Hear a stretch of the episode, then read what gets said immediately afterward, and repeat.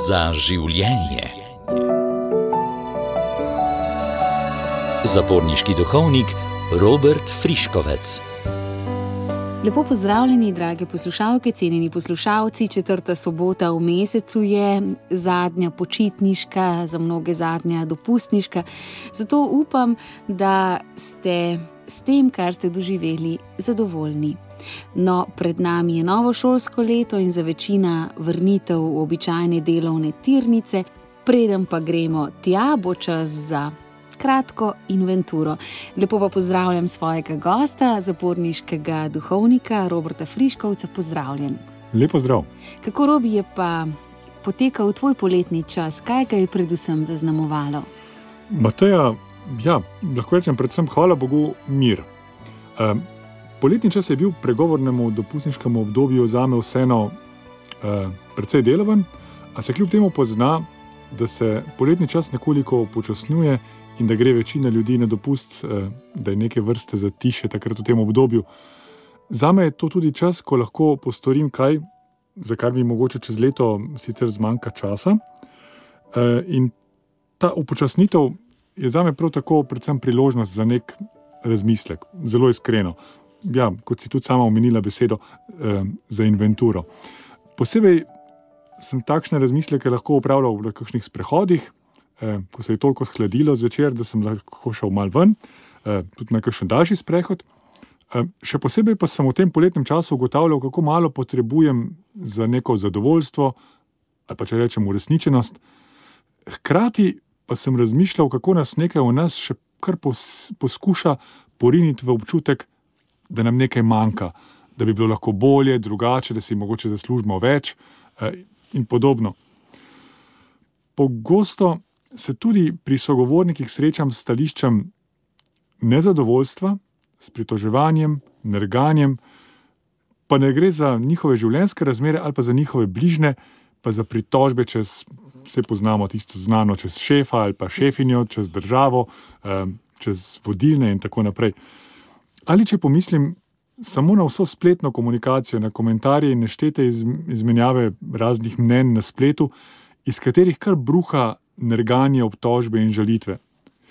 Vse to ima sicer v poletnem času morda neko manjšo intenzivnost, tudi spletni komentarji gredo kdaj na dopust, lahko rečemo, ampak nekje na spletu sem vseeno zasledil, da so se tudi v poletnem času razširile pritožbe čez prebivalce določenega dela Slovenije in njihovo glasnost eh, na morski obali.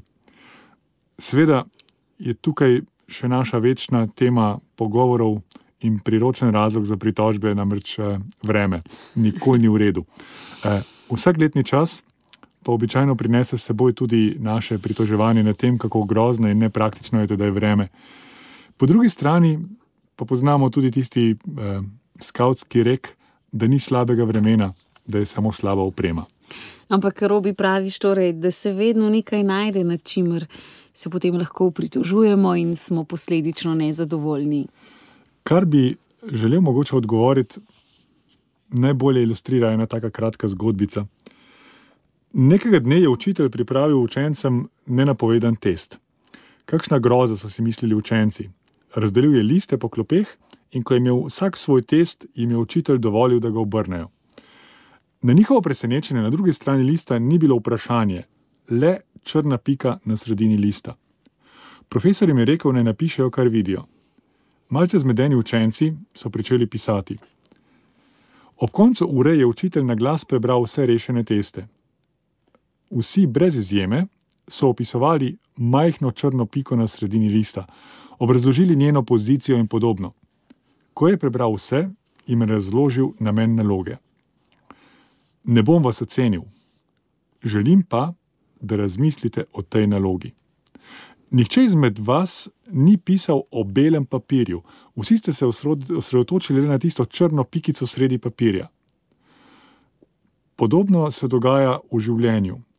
Vedno se osredotočamo na slabo, na tiste majhne črne pike, temne pike so zelo majhne v primerjavi z vsem, kar imamo dobrega v življenju.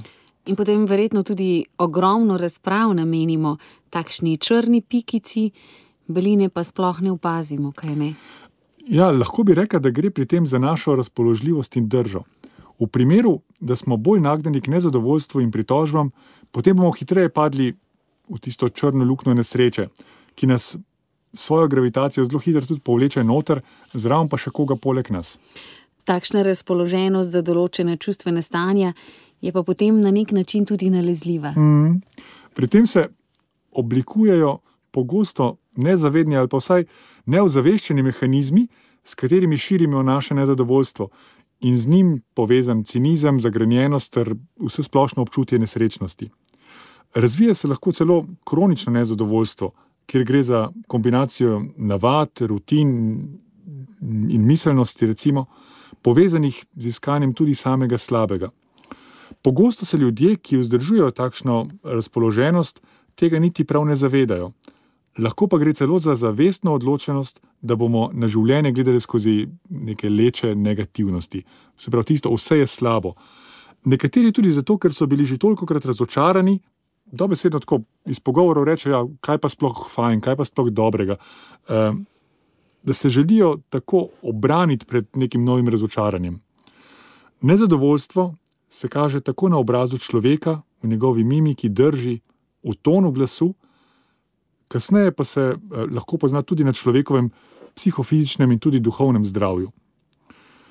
Seveda obstajajo razlogi za nezadovoljstvo, ki so lahko povsem upravičeni precej in hitro bi jih lahko naštela, ampak ključna razlika med zdravim in nezdravim izražanjem nezadovoljstva se mi zdi v kriteriju, ali nas izražanje nezadovoljstva motivira za spremembe in prilagoditve, ali kako prispeva k izboljšavam, ali pa nas to le potiska vedno globlje v neko živo blato apatije in zagrenjenosti. Ko sem bil še mlajši, sem se večkrat postavil na tromostovje, dobesedno sem se usedel pod preširno spomenik eh, s tisto svojo muzo na vrhu in od strani opazoval obraze ljudi, ki so hodili mimo. Velika večina obrazov je izražala neke vrste skrb, otenke zamišljenosti, celo žalosti, kar bi vse lahko opisal z nekim izrazom neodrešenosti. Kasneje sem podobne izraze pogosto videl tudi na mnogih obrazih v cerkvah. Ja, jaz pravzaprav vedno znova ljudi, eh, tudi kdaj med obredom, pred, preden začnem nagovor po evangeliju, vprašam, kako so. Eh, ker želim slišati, kaj je v njih, kaj je v njih živega. Ak ne malo kdaj dobim nazaj tudi ta izraz pasivnosti, nekakšne vdanosti v usodo, v katero kristijani dejstvo ne verjamemo. In ti izrazi na obrazu in telesni drži se kasneje prelijajo v običajno v kakšno kritizerstvo, v pritožbe čez druge, pogosto čez nekoga, ki ima neke vrste oblast oziroma o nečem odloča. Ampak mislim, da zaradi tega naslednji dan potem nihče bolj veselo ne stopa po ulicah. Izrazi nezadovoljstva so ostali več ali manj nespremenjeni. Ja, prepričan sem, da bi imela verjetno takšna vizualna anketa, ki sem jo izvajal podobne rezultate tudi danes, če bi šel na cesto. Verjetno. Odkud pa, robi po tvoje, izvira ta trdovraten občutek nezadovoljstva, ki nas tako lepo čaka za vogalom in ki dela škodo nam samim, pa tudi potem skupnemu dobremu, ker to kar hitro radi širimo. Na začetku se mi zdi pomembno povedati, da je vsak izmed nas eh, kdaj nesrečen, nezadovoljen, slabe volje, morda krajši čas ali pa v določenih intervalih. Imamo različne razloge, tudi izgube in razočaranja, eh, ki nas lahko vodijo v ta občutja. To še ne predstavlja nujno nekega depresivnega občutja, ampak gre le za čustva in občutja z neke palete teh, ki bogatijo naše življenje. V nas se lahko prebudi tudi jeza ali pa žalost zaradi različnih težav ali pa skrbi, morda zaradi stresa, bolezni, skrbi naše najbližje, konfliktov, ki jih imamo, odnosov zaradi neke splošne življenjske situacije pri nas in po svetu. Pa jaz mislim, da bi se še dalo marsikaj našteti. Običajno je žalost povezana z drugim podobnim čustvom, namreč žalovanjem. Lahko gre za žalovanje ob izgubi drage osebe, zaradi nekega poslabšanja odnosa ali slovesa, pa tudi zaradi izgube, naprimer, službe, zaradi selitve ali pa zaradi neuresničenih pričakovanj. Žalost se lahko v nas poglobi, če se primerjamo z drugimi, tudi z ideali, ki nam jih vsak dan servisirajo retuširane in s filtri popravljene fotografije medijev in socialnih omrežij, Tudi naš, naš življenjski slog, recimo prehrana, gibanje in spanje, vplivajo na naše počutje in občutja. Seveda je marsikaj odvisno tudi od življenjskega obdobja, v katerem se nahajamo, od tega, ali smo še v obdobju razvoja, ali lahko počnemo v življenju tisto, kar si želimo, ali imamo podporo, recimo temu, naše socialne mreže, ali imamo občutek, da smo vsem bolj sami. Pomembno se mi zdi, da tudi ta težja čustva in občutja sčasoma sprememo, da si zaradi njih ne nalagamo neke dodatne krivde. Čustva imajo svojo vlogo, izrazi žalosti nam lahko eh, sporočajo, da potrebujemo pomoč drugih ali pa da sami poskrbimo zase, se morda ustavimo in okrevamo. Na različne načine si lahko poiščemo pri tem podporo, da se ta čustva integrirajo v naše življenje na zdrav način, da ne služimo mi njim, ampak čustva nam.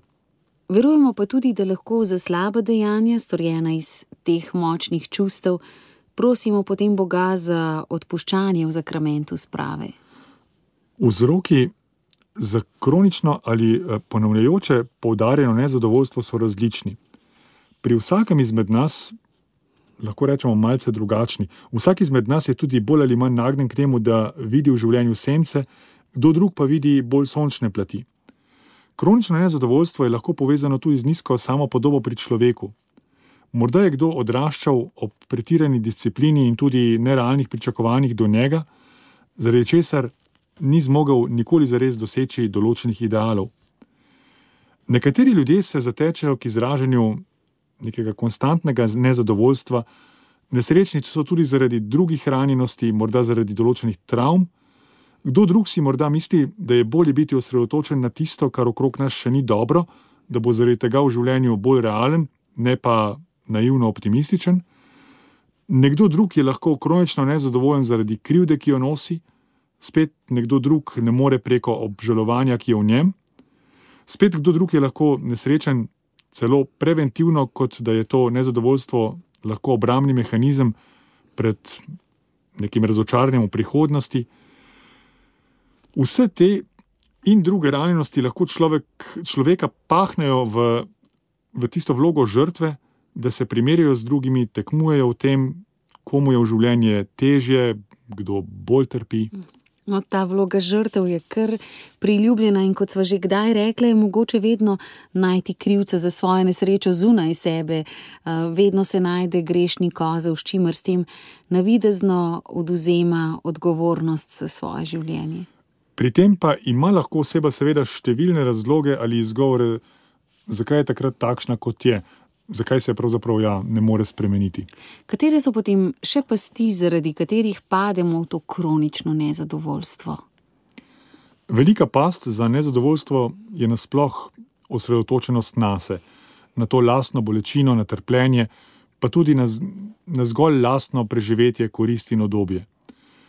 Posvečanje pozornosti le sebi in poveličevanje sebe, pri čemer pozabljamo, da je vsak človek božja podoba, do katerega lahko gojimo sočutje in lahko z ljubeznijo obogatimo življenje drug drugega, nas zapira v lastni mali svet, ki se vedno bolj manjša.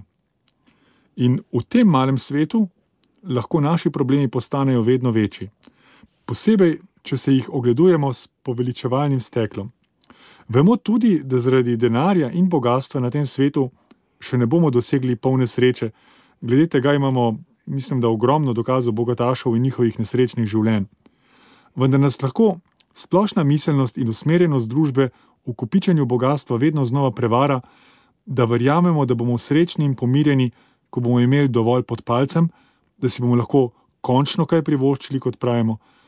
In takšnemu človeku pravi Bog: Neumneš, to noč bodo tvojo dušo terjali od tebe, kar pa si spravil, čigavo bo. Pogosto je razlog za naše nezadovoljstvo tudi občutek, da nam nekaj pripada, pa tega nismo deležni, kot da smo privilegirani za nekaj. Nesrečni lahko postanemo, ko se nam zdi nekaj samoumevno, pa to kar naenkrat zmanjka. Pomislimo na razvajenega otroka, ki kar iznenada ne dobi več vsega želenega takoj. Nezadovoljni smo, če smo torej od nečesa odvisni, če se na nekaj navežemo, potem pa tega ne dobimo. Nezadovoljstvo se lahko razvije po nekem času preobilja. Morda smo se tudi zdaj, ko so družbene in ekonomske razmere v svetu precej bolj negotove kot pa v zadnjih parih letih, znašli na pragu nekega vsesplošnega nezadovoljstva. Naši predniki bi verjetno debelo gledali, v kakšnem obdobju večine med nami vendarle živi. Pa mislim, ne samo naši predniki, tudi prebivalci izven zahodnega sveta bi nam lahko povedali, da generalno živimo veliko bolje kot večina ljudi na svetu. Čeprav nam je to lahko postalo samoumevno, se lahko še hitreje spremeni, kot opažamo tudi to poletje, ko vidimo, kako hitro se spremenja naše podnebje in kako katastrofalne so lahko neke posledice. Prav v takšnem času pa je še toliko pomembneje, da ozavestimo, kaj je še v naši moči, da spremenimo, dokler še lahko, saj samim stokanjem in godrnanjem prav nič ne izboljšamo situaciji. Kot pravi pregovor, bolje je prižgati svečo, kot pa preklinjati temo. Z nami je danes zaporniški duhovnik Robert Friškovec, govoriva o nezadovoljstvu. In um, Robi rekel si, da je širjenje nezadovoljstva lahko po eni strani osebna značilnost, po drugi strani pa lahko rečemo, da je nekaj tudi v naši kulturi, da je pritoževanje in nezadovoljstvo sta tako zelo prisotna med nami. Res je. Takšno vzdušje nezadovoljstva je zelo, zelo hitro nalezljivo. Širi se lahko in krepi, mogoče je, da tudi eskalira do agresije in nasilja.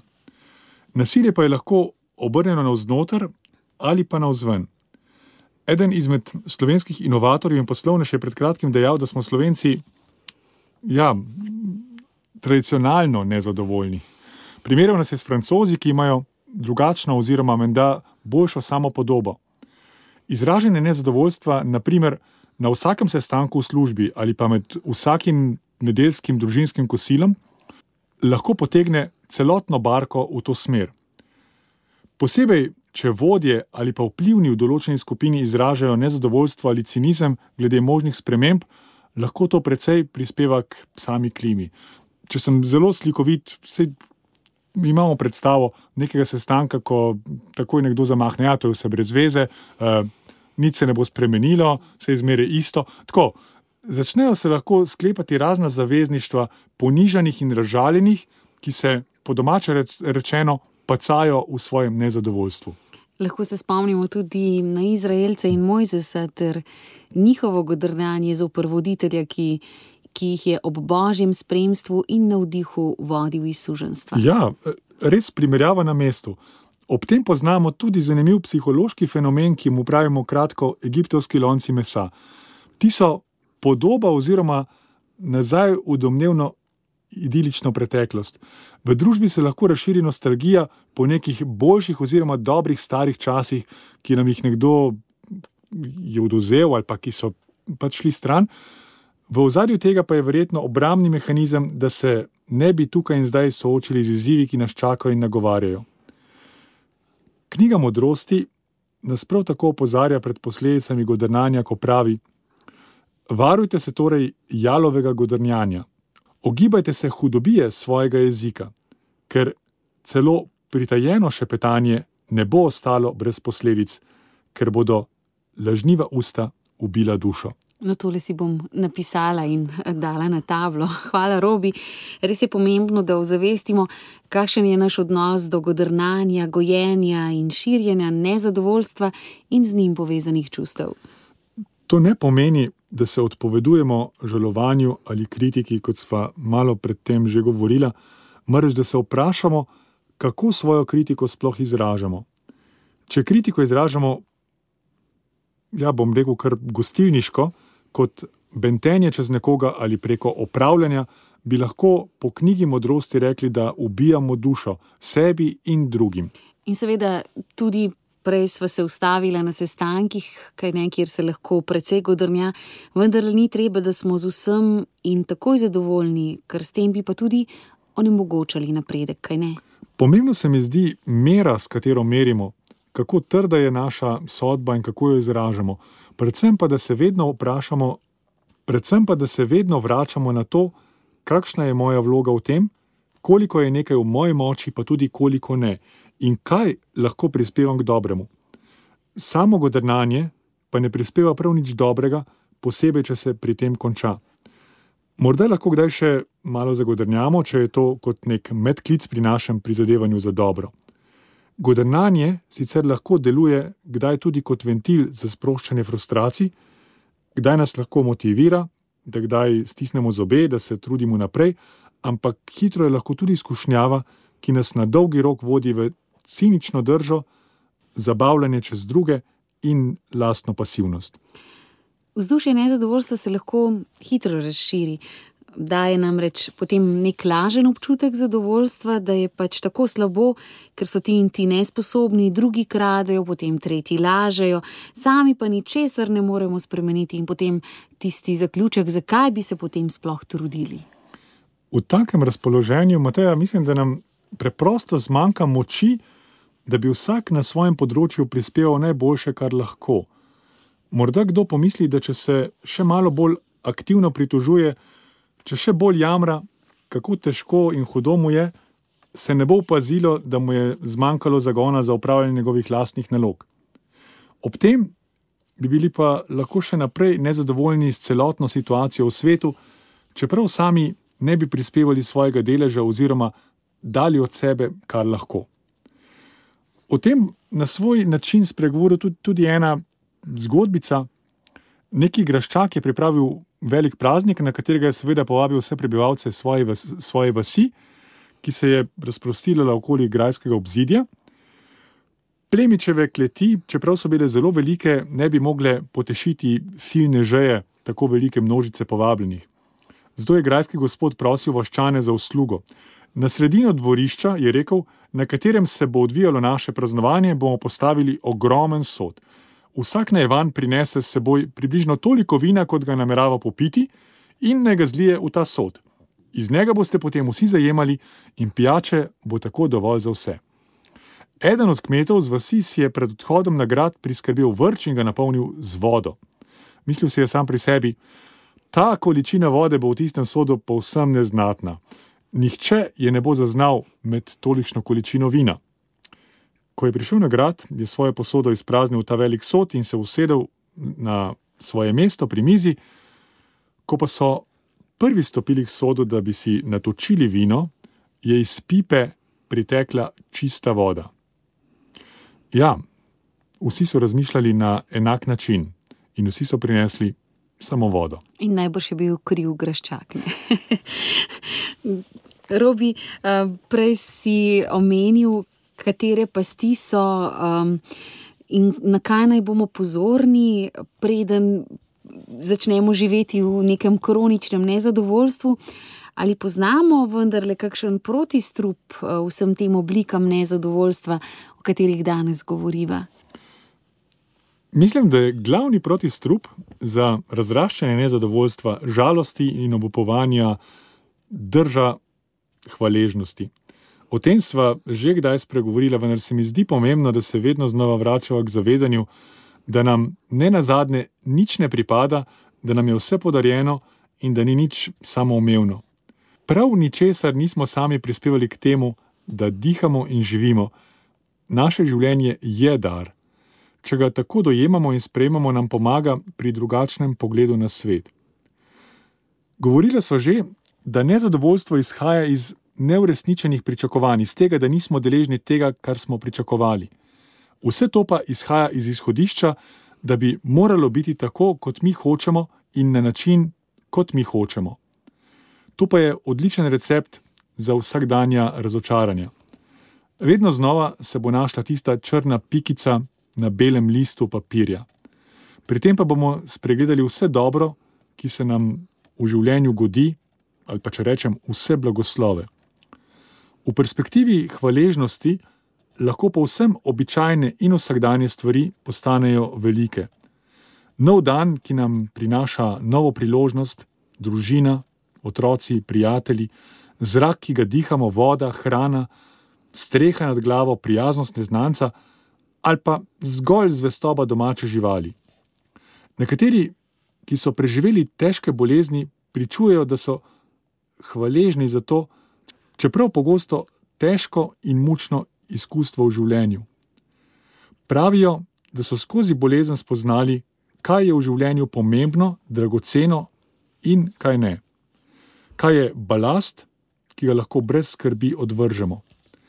Takšno stališče do težkih življenjskih preizkušenj je gotovo milost, skrivnost, ki ni dana vsakemu. Je pa tudi izbira, odločitev, vsak dan znova in za vsak dan posebej. Nekateri ljudje najdejo zadovoljstvo tudi v najtežjih situacijah, ki bi bile izziv še tako velikim optimistom. Drugi pa bi bili nesrečni in nezadovoljni, tudi če bi imeli vse, kar jim srce poželi. Pogosto prav naš odnos do življenja opredeljuje naše stališča in odločitve, tudi glede tega, ali smo generalno gledano zadovoljni, odrešeni ljudje, ali pa če rečem, še ne. Zato je pomembno, da se v življenju zavestno oblikujemo obrede hvaležnosti, ki bodo v nas okrepili perspektivo in držo prepoznavanja vsega, za kar smo lahko hvaležni. Pri tem nam lahko pomagajo različne prakse čuječnosti, s katerimi ozavestimo, česa vse smo tukaj in zdaj, v tem trenutku in pogosto vsak dan znova deležni. Ko sprejmemo to, kar je, ne s presojanjem, ampak z dopuščanjem in hvaležnostjo, pravzaprav priznavamo svojo vlogo v svetu in v odnosu do stvarnika. Vsaka sveta maša, vsaka Euharistija je, že kot sama beseda pove, zahvala za Kristusovo darovanje in odrešenje, za vse darove in milosti. No, in mogoče je spodbuda, vsak dan lahko končamo s hvaležnostjo za vsaj tri dogodke, osebe, dejanja, besede, za katere se potem v molitvi zahvalimo stvarniku, ki je izvor vsega dobrega. Prepričan sem, eh, da nam bo to prineslo povsem drugačen pogled na svet in delovanje, ko smo zmožni moliti za tiste, tudi za tiste, ki nam delajo hudo, ali pa za tiste, nad katerimi se že dolgo pritožujemo. Ne vem, če pomislimo, tako, če vsak pri sebi ta trenutek, ko naj jo posluša, naredi neko analizo, nad kom se največkrat pritožujem. Ja, mogoče bo žena rekla nad možem, eh, mogoče bomo še rekel nad ženo, ali pa nad otroki, ali pa nad šefom. Ampak po drugi strani je tudi na mestu vprašanja, sem kdaj za te osebe tudi že zmolil. Eh, na mesto godrnanja in celo preklinjanja lahko širimo blagoslov, ki kliče nad ljudi in stvarstvo božjo pomoč in spremstvo. Na ta način se lahko oblikuje odziv ljubezni, ki hudega ne vrača s hudim. Ena brazilska molitev pravi nekako takole: Samo Bog lahko podari vero, ti pa lahko prispevaš svoje pričevanje. Samo Bog lahko da upanje, ti pa lahko poglobiš zaupanje v so ljudi. Samo Bog lahko daje mir, ti pa lahko prispevaš k edinosti. Samo Bog lahko da moč, ti pa lahko spodbudiš nekoga, ki je izgubil pogum. Samo Bog daje življenje, ti pa lahko v sebi in drugih prebujaš željo po življenju. Samo Bog lahko dela nemogoče stvari, ti pa lahko storiš, kar je mogoče.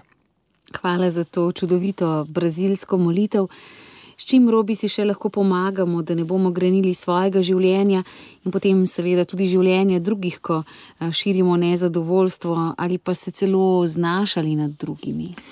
Jaz mislim, da vsak od najnih poslušalk in poslušalcev ja, lahko pri sebi pogleda, kaj ga nagovarja. Sej ne gre za to, da bi zdaj devali neke poceni rešitve ali pa nekaj, kar se samo lepo in fino sliši. Mogoče na to tvoje vprašanje zadnje lahko najlažje spet odgovorim z neko zgodbo o mizarju, ki je prijatelju pomagal obnoviti kmetijo njegovih staršev. In mislim, da se v tej zgodbi ponovno skriva ena tako zanimiva gesta. Zgodilo se je po prvem dnevu napornega dela, ko je mizarju eh, predrta guma ukradla uro dela, ko električna žaga ni in ni hotela sodelovati, in da bi bila mera polna, zvečer še motor starega kombija ni zagnal. Prijatelj se mu je ponudil, da ga zapelje domov in Mizar je za čuda vso pot molčal. Ko sta prispela, ga je Mizar povabil, da spozna njegovo družino. Ko sta stopila proti vhodnim vratom, je za trenutek postal ob malem drevesu na vrtu in se z obema rokama dotaknil vejc. In ko je končno stopil skozi vhodna vrata, se je zgodila neverjetna sprememba. Na njegovem od sonca ožganem obrazu se je narisal smehljaj in objel je dva majhna otroka ter poljubil ženo. Ko sta se vračala proti avtu, sta šla ponovno mimo skrivnostnega drevesa in prijatelja je premagala radovednost. Vprašal ga je, kaj je tako posebnega na tem drevesu, ki si se ga pred prihodom dotaknil in tudi sedaj, ko greva od doma ponovno.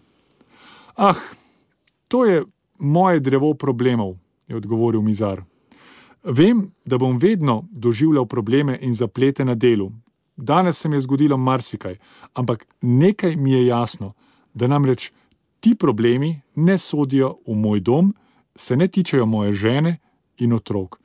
Zato jih vsak večer, ko se vrnem domov, obesim na to drevo.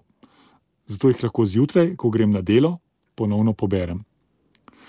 In to je Mizar še malo pomolčal, se nasmehnil in dejal, ampak zanimivo je, da je problemov zjutraj, ko jih želim pobrati z drevesa, običajno precej manj, kot sem jih prejšnji večer obesil. Predvsem v naših družinskih odnosih in po skupnostih je pogosto prisoten ta prenos frustracij in to konec koncev prizadejanje bolečine ali krivice na naše najbližje, Sprav to, kar doživljamo v naših vsakdanjih življenjih, ne bo to v službi, v šoli, eh, izven našega doma, prenašamo na naše najbližje.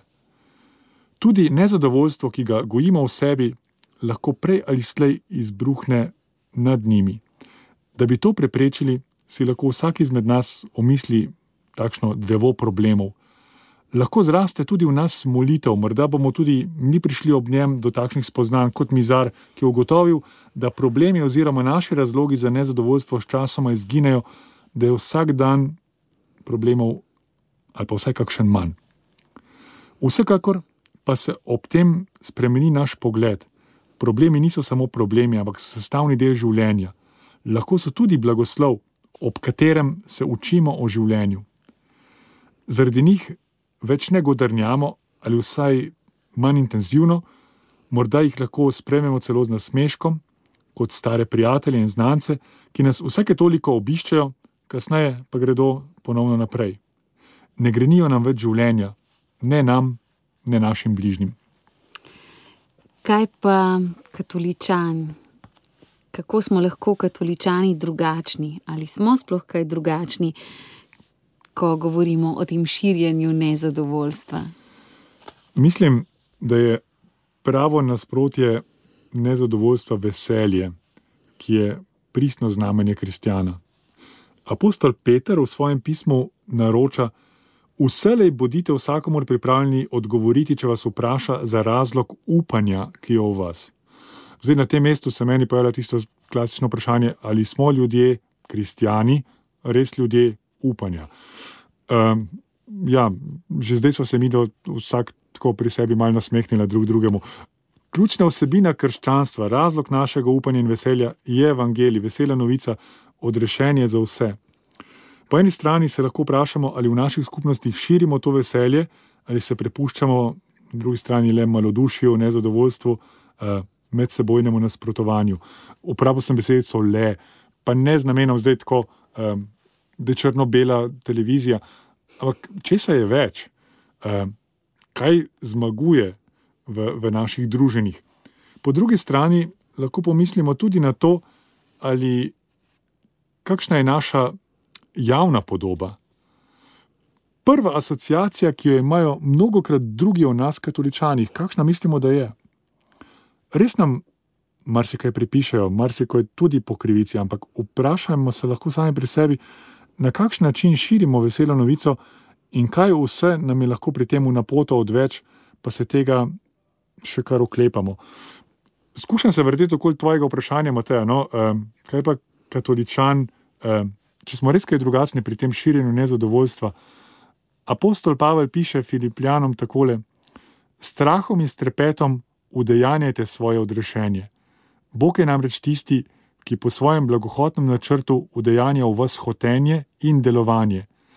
Vse delajte brez godrnjanja in preračunljivosti, da boste neoporečni in nepokvarjeni, brezgrajni božji otroci sredi sprijenega in pokvarjenega rodu, med katerim žarite na svetu, kakor zvezde.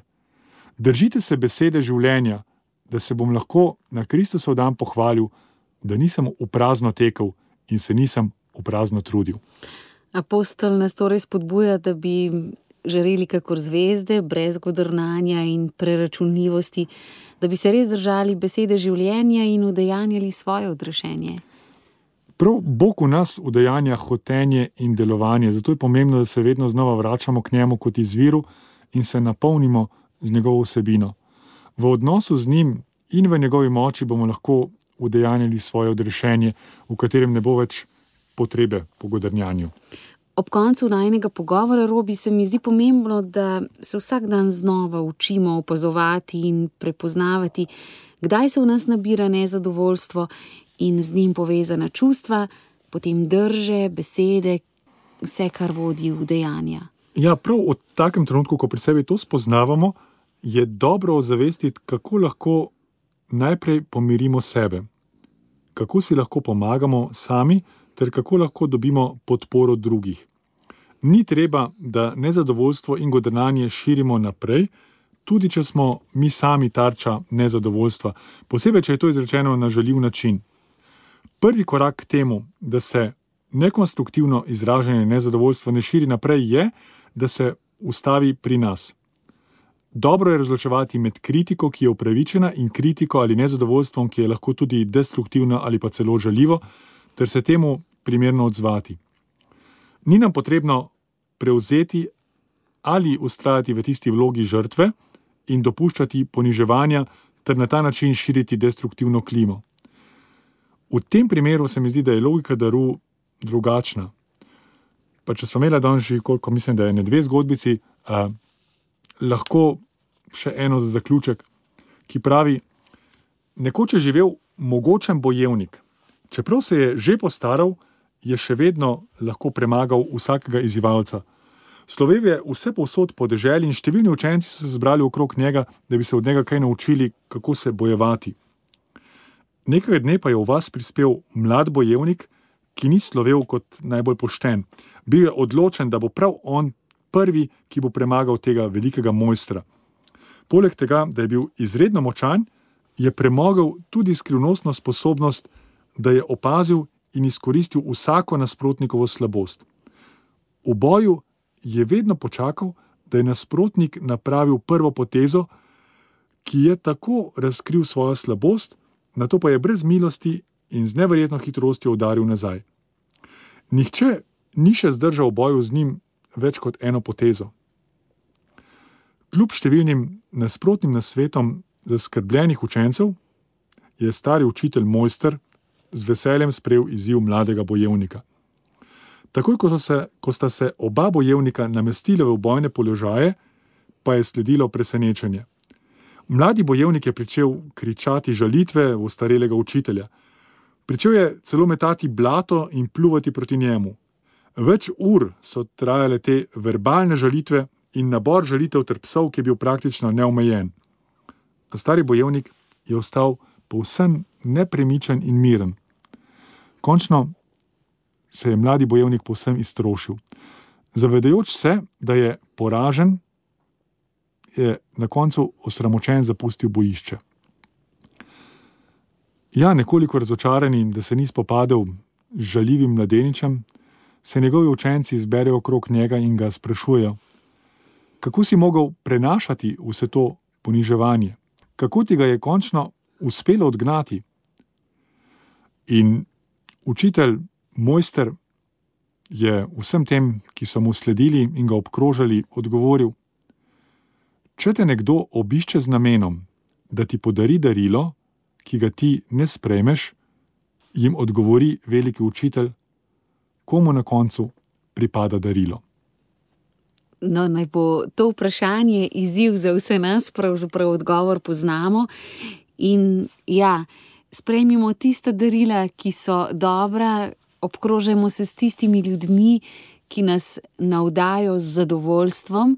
Vsekakor pa Robi si v današnji oddaji povedal tudi veliko možnosti, da se upremo nezadovoljstvu, da na življenje in na vse, kar se nam dogaja, gledamo s hvaležnostjo, se vsak večer zahvalimo vsaj za tri dogodke, stvari, ljudi, in potem seveda, da smo tudi tisti, ki ustavimo tok nezadovoljstva ali pa teh novic, govoric in uh, ne sprejmemo daril, ki nam pripadajo. Hvala, Matej. Ne pripadajo. Hvala, Matej. Res iskrena želja, no, da, da ta naj eh, po, po, pogovor v tem sobotnem dopolednevu pripomore, eh, da rastemo, no, da odkrivamo in da ne gremo zgolj s tokom. Eh, Takšna je danes družba, eh, takšni so danes odno, na, naši, naši odnosi, in da ni zadovoljstvo eh, del nas, ampak nahrbnik, eh, ki ga lahko damo tudi eh, iz svojih eh, pleč, in ki, ja, ki, ki nam pomaga, da, da prepoznamo, kakšna je naša prava podoba, pravi obraz, da bomo zasijali plavanje proti toku je bolj naporno, a je mogoče, kaj ne? Res je. Hvala, Robi, lep pozdrav. Do naslednjič z nami, drage poslušalke, cenjeni poslušalci, je bil danes zaporniški duhovnik Robert Friškovec, z njim sem se pogovarjala Mateja Feltrin Novljan. Oba vam želiva lep preostanek te sobote in seveda dobro začnite novo šolsko, študijsko ali pa delovno leto. Srečno! Za življenje. Zaporniški duhovnik Robert Friškovec.